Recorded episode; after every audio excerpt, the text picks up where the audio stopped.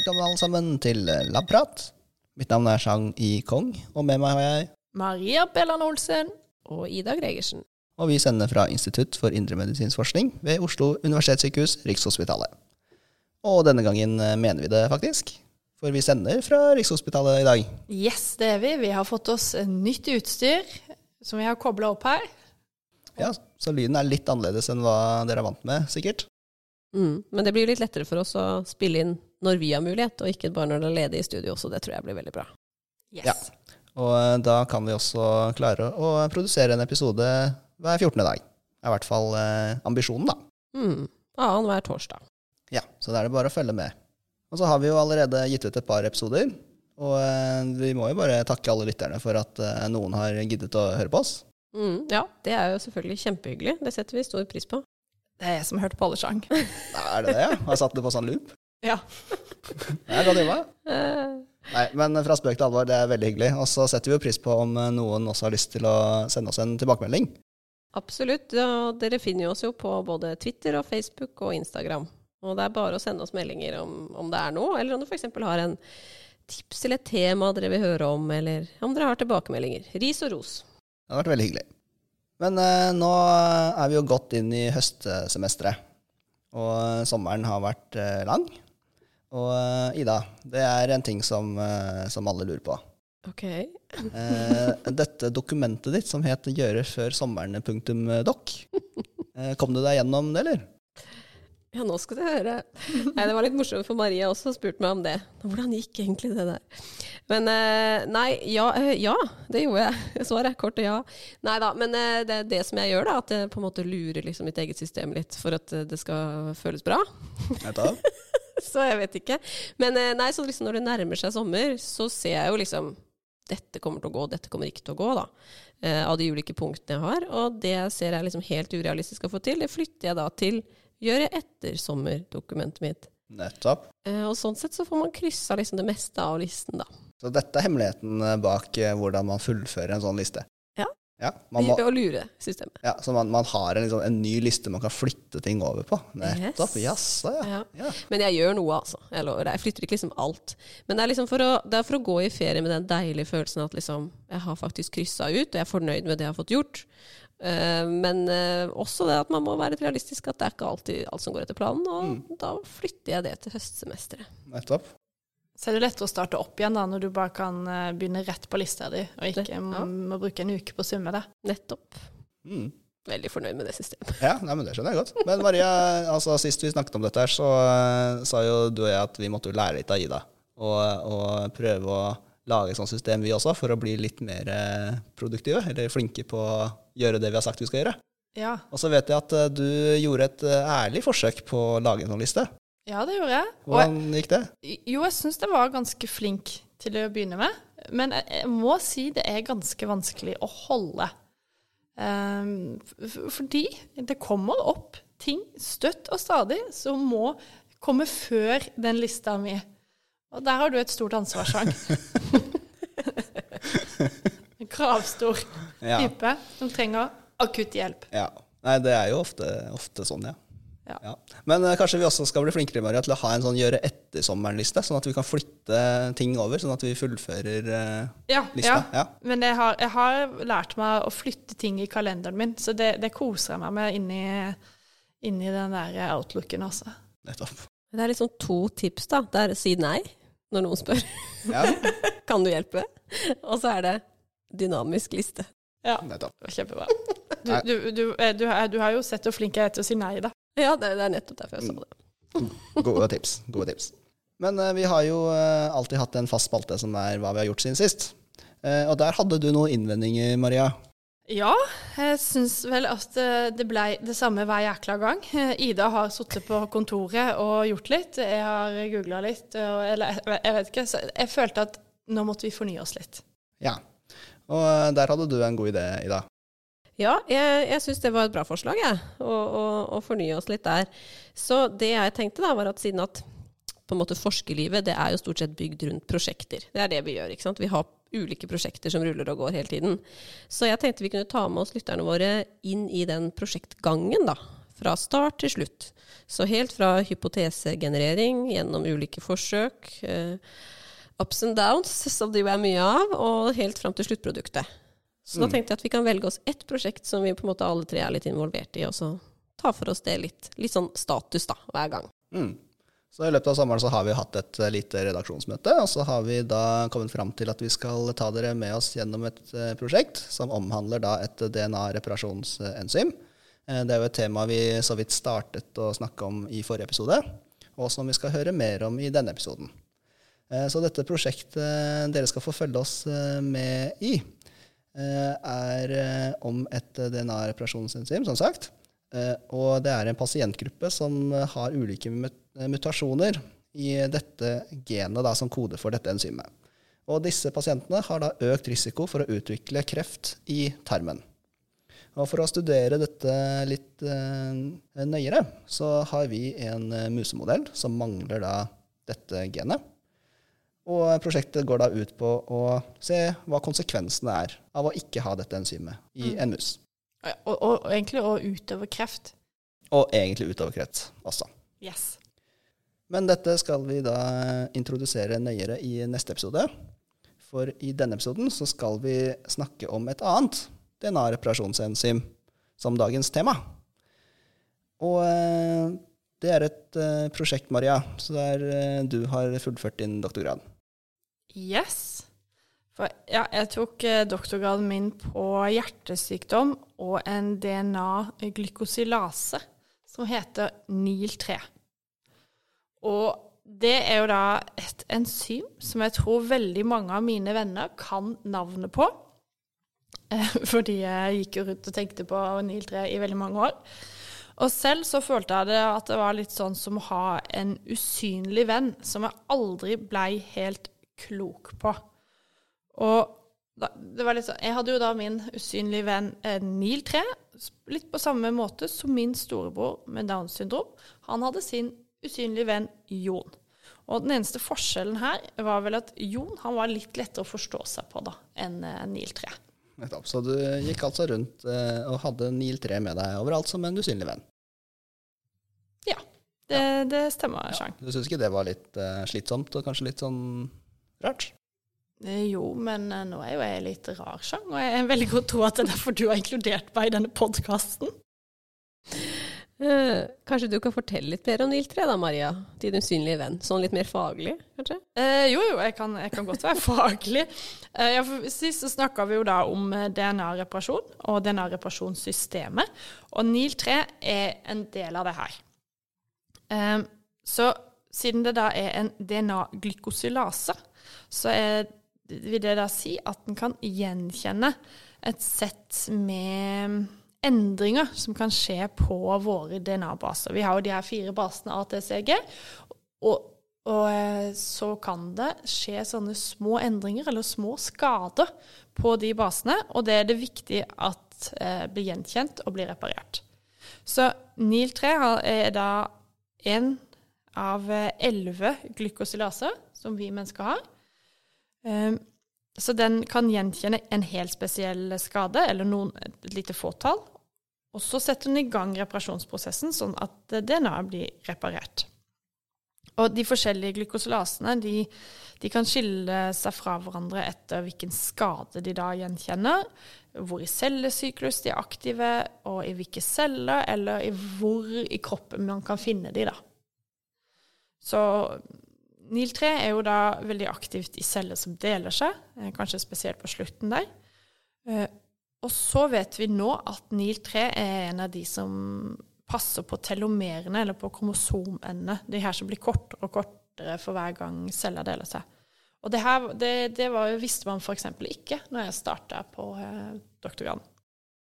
Nei, for det var vel ikke så mye man visste om NIL 3 da du starta din doktorgrad? Nei, eh, når jeg starta som stipendiat i 2012, så var det bare tolv vitenskapelige artikler som omtalte NIL3, og det er jo himla lite. Hvis vi sammenligner med en LRP3-inflammasome, som jeg da har nevnt et par ganger her, så hvis du søker på den på PubMed, så får du ti, over 10 000 artikler. Men, vi starta jo på det her fordi at din gruppe, Ida, dere hadde jo funnet noe spennende om Nil 3.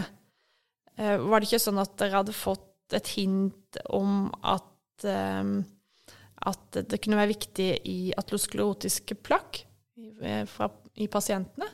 Jo, jo, det stemmer. Og egentlig mange av prosjektene våre som har starta på den måten, da.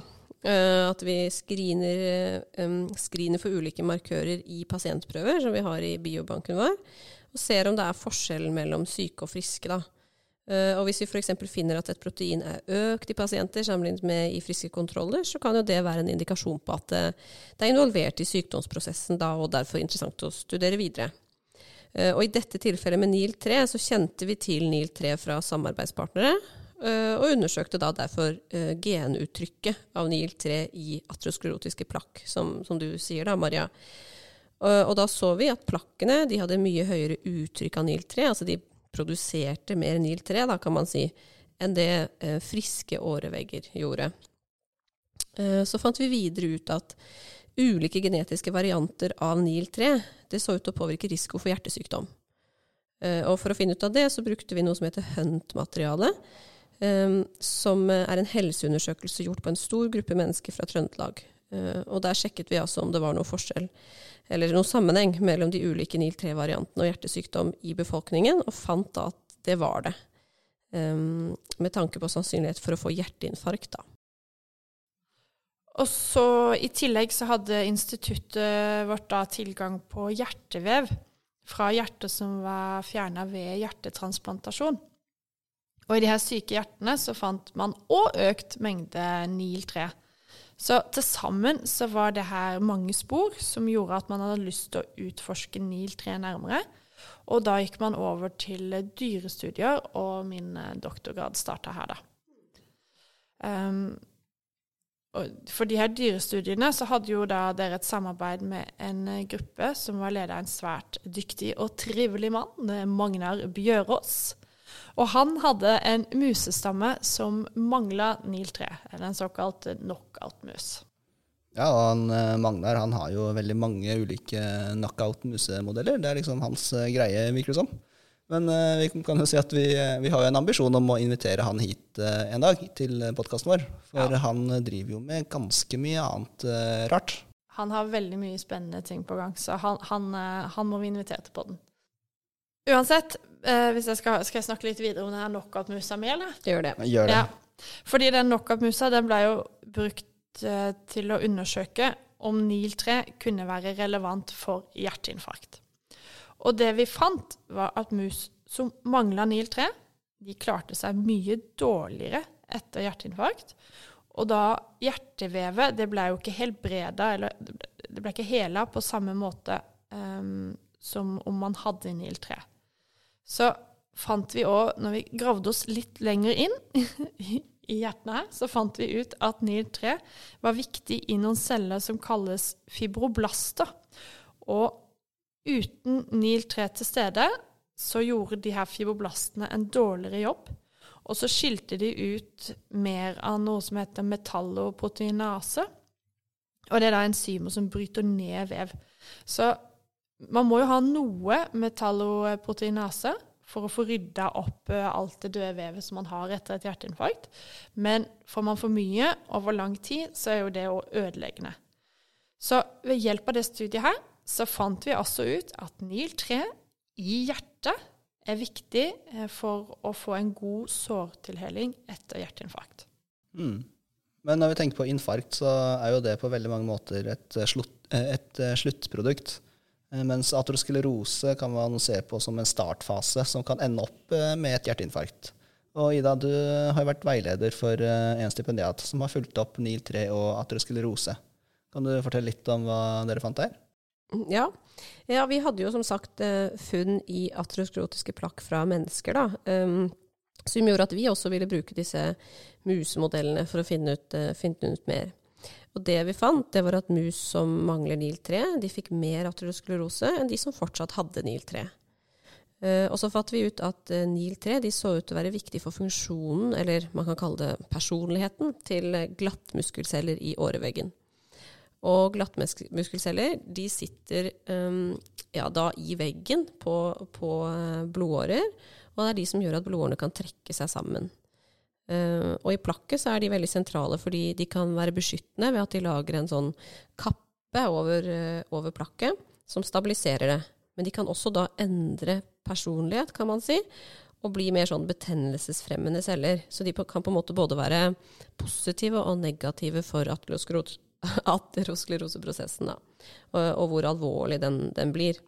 Og det vi så, at de musene som manglet NIL3, eh, de hadde da mer sånn inflammatoriske eh, glattmuskelceller som produserte betennelsesstoffer, og derfor var mer skadelige. Um, og plakkene så også helt annerledes ut hos de musene da, som uh, manglet NIL3, framfor de som hadde NIL3. Uh, og så En annen ting da, som man, vi kanskje har vært litt overrasket over, men som vi har sett i flere studier, er at man vil jo kanskje forvente at en mus som mangler et DNA-reparasjonsenzym, som NIL3 er, det har mer DNA-skade. Men det har vi da ikke sett. Så um, vi tenker jo da at Eller vår hypotese er jo da at NIL3 har en del andre funksjoner da, som ikke er relatert til klassisk DNA-reparasjon.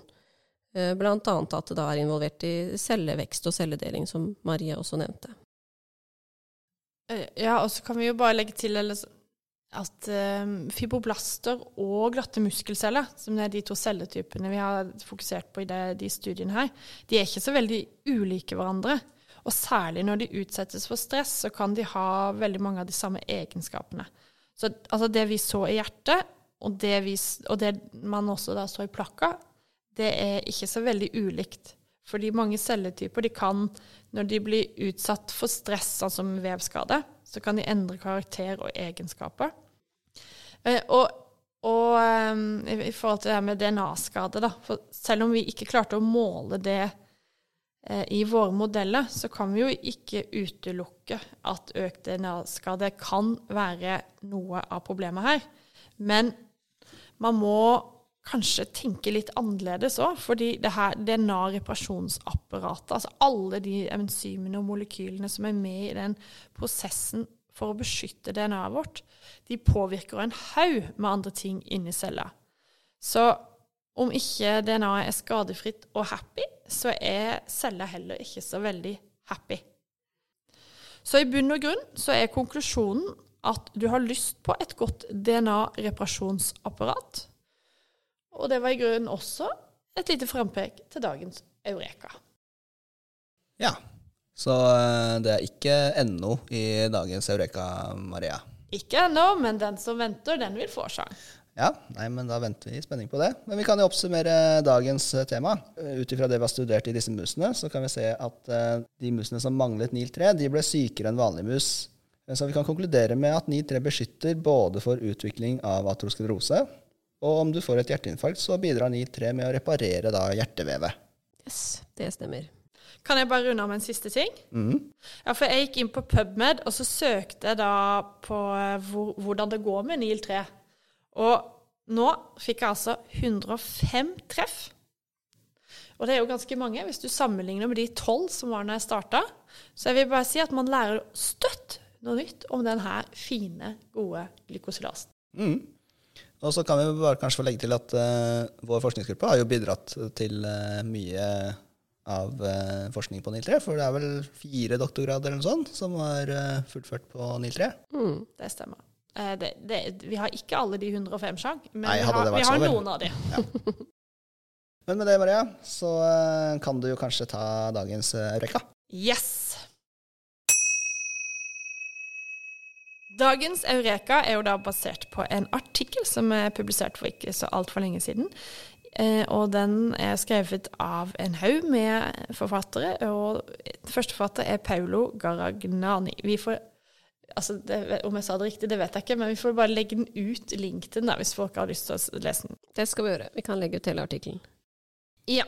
Men det de har eh, prøvd å finne ut av, er om de kan finne varianter i DNA-et vårt som kan forklare hvorfor noen mennesker lever himla lenge.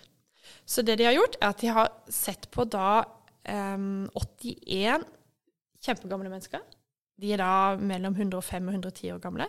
Og så har de sammenligna med normalt gamle mennesker. som er sånn, De hadde gjennomsnittsalder på 68. Og så har de gjort helgenomsekvensering. Altså de har sekvensert hele DNA-et deres, funnet alle basene, de, basene i DNA-et og rekkefølgen der, og så har de sammenligna. Og altså, vi har jo alle det samme DNA-et, men det er jo noen små variasjoner mellom oss.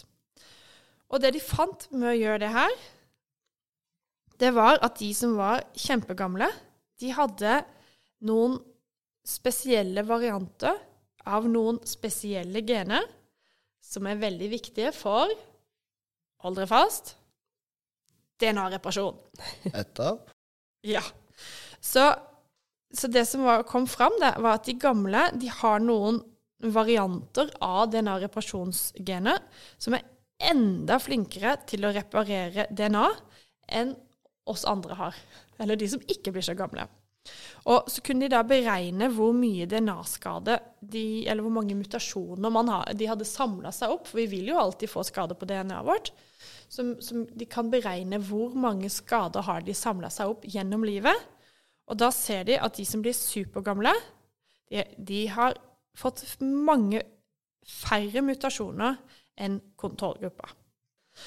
Summa summarum, DNA-et vårt det er viktig å holde i orden. Og hvis du har gode DNA-reparasjonsenzymer, så er sannsynligheten for at du lever lenger, større. Ja. ja det var veldig morsom røyka. Passa godt med dagens tema, Maria. Ja, ikke vel? og med det så uh, takker vi for oss for denne gang. Vi uh, høres igjen om 14 dager. Det gjør vi. Ha det bra. Ha det.